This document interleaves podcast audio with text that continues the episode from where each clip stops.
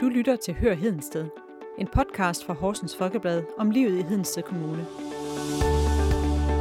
Vi bringer nyheder og historier lige fra Gudenåens kilder i vest til Jules Mindes strande i øst. Velkommen til.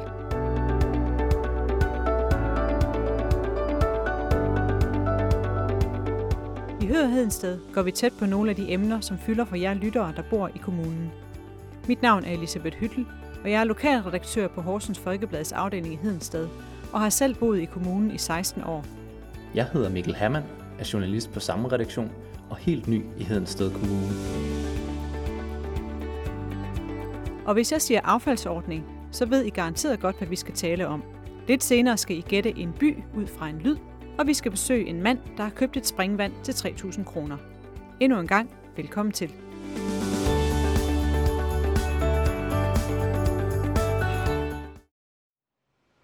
Noget af det, der har fyldt rigtig meget i år, er, at vi har fået en ny affaldsordning i Hedsted Kommune. Jeg står her foran de skraldespande, hvor man nu skal proppe sit affald i. Og det er ikke bare én skraldespand, det er faktisk flere skraldespande.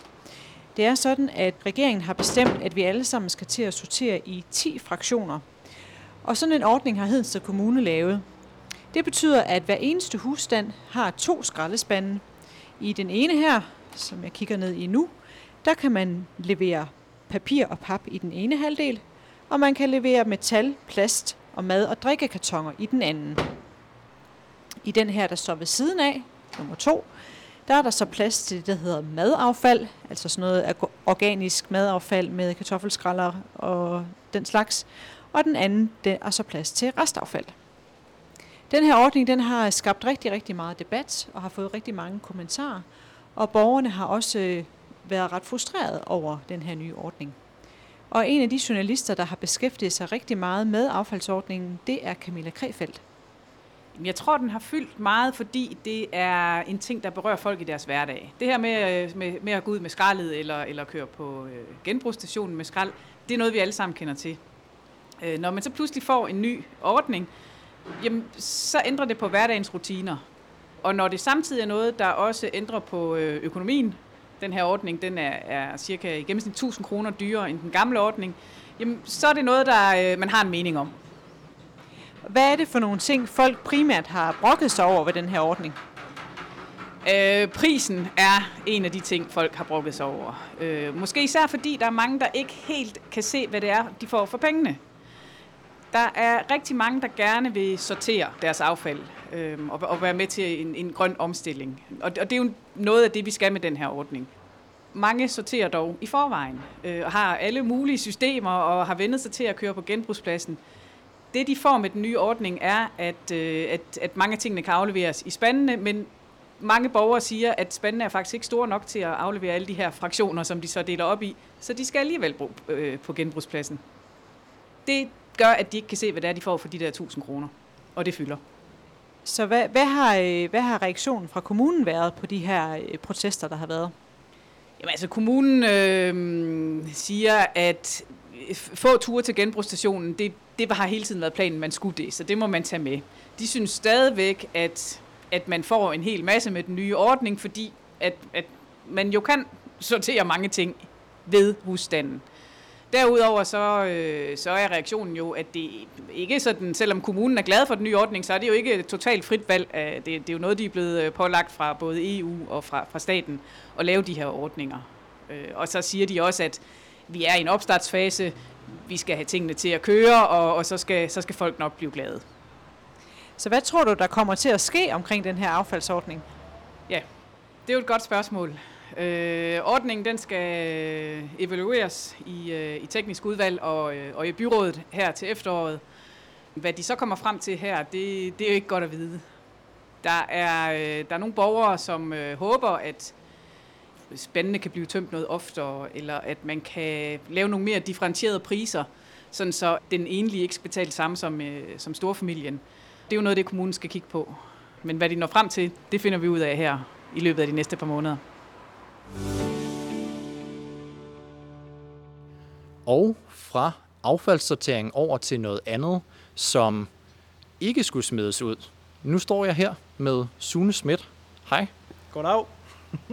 nu skal jeg lige høre.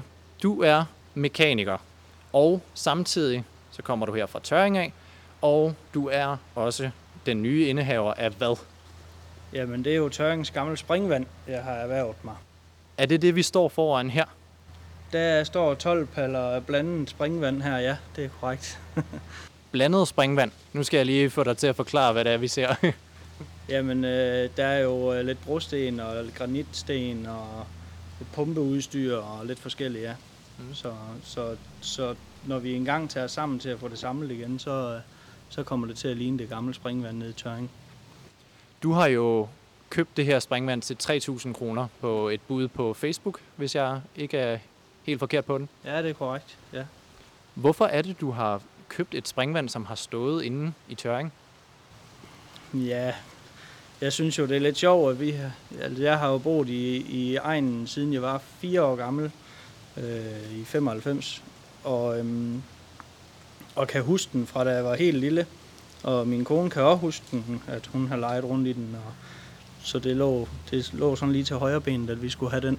Mm. Så, men det har jo været ret besværligt. Nu ved jeg ikke, om du skal have vand i, i det også nu. Øh, jamen, da, vi nåede jo ikke rigtig at gøre så mange overvejelser. Det var, jeg bød jo på den, mens vi fik nogle øl over ved min storebror.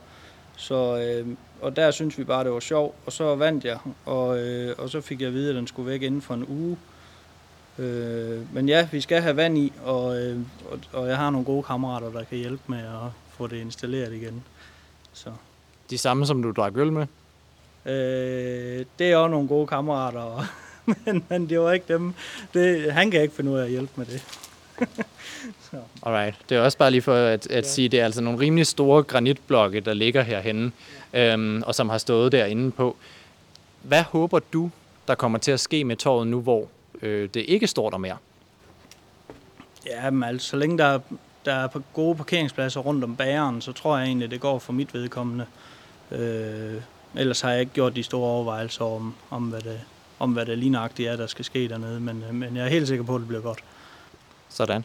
Øh, du nævnte også for os, øhm, det skal lige siges, vi har skrevet om den her historie før, men vi synes bare, at det kunne være så godt lige at tage den op igen og netop få, få stemme på, hvem det er, der har købt springvandet Mm. inden i tørring.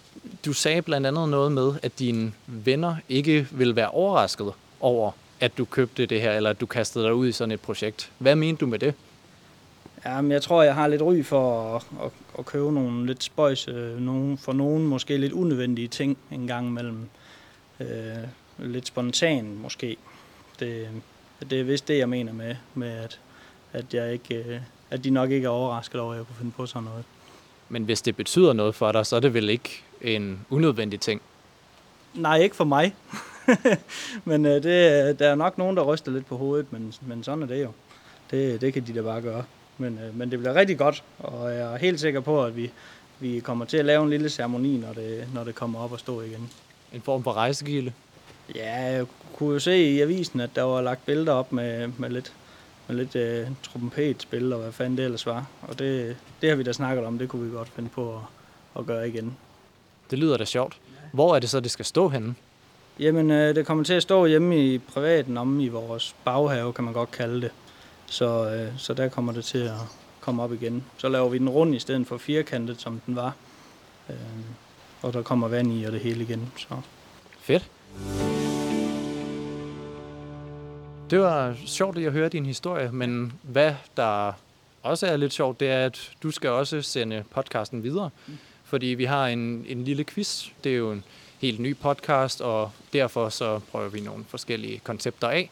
En af- de her ting, det er blandt andet ugens lyd. Fordi du skal nu gætte, hvor podcasten går hen i næste omgang. Og derfor så vil jeg lige spille den her lyd for dig.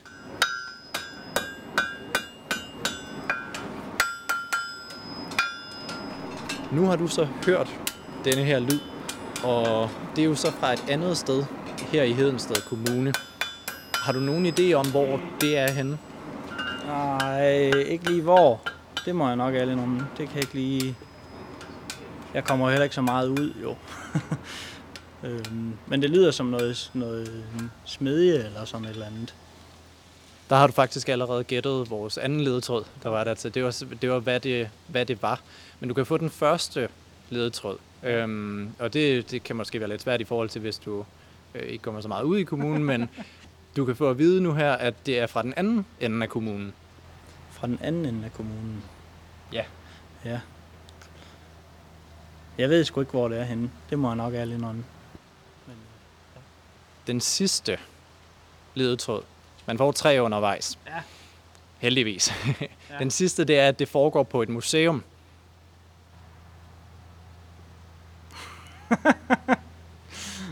Jamen, jeg arbejder 12 timer om dagen. Jeg kommer ingen steder jo, for fanden. Øh, jeg tror, Mikkel, du bliver nødt til at fortælle mig, hvor, hvor det er henne. Det er absolut helt i orden. Ja. Kender du Glud? Ja, glud, det har jeg hørt om. Mm. Ligger der noget middel eller noget derude?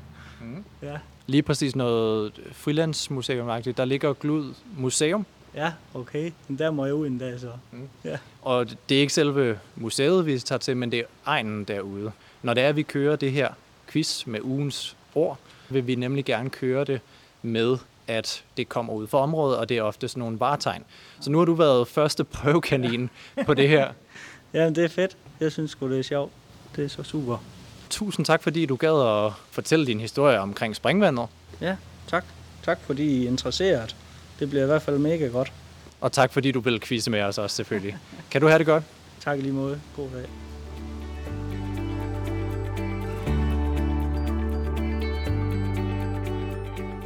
Du har lyttet til Hør Hedensted, en podcast fra Horsens Folkeblad med nyheder og gode historier fra Hedensted Kommune. Har du en historie, som du gerne vil høre mere om, så send os en mail. Du kan finde os på hedensted hsfo.dk.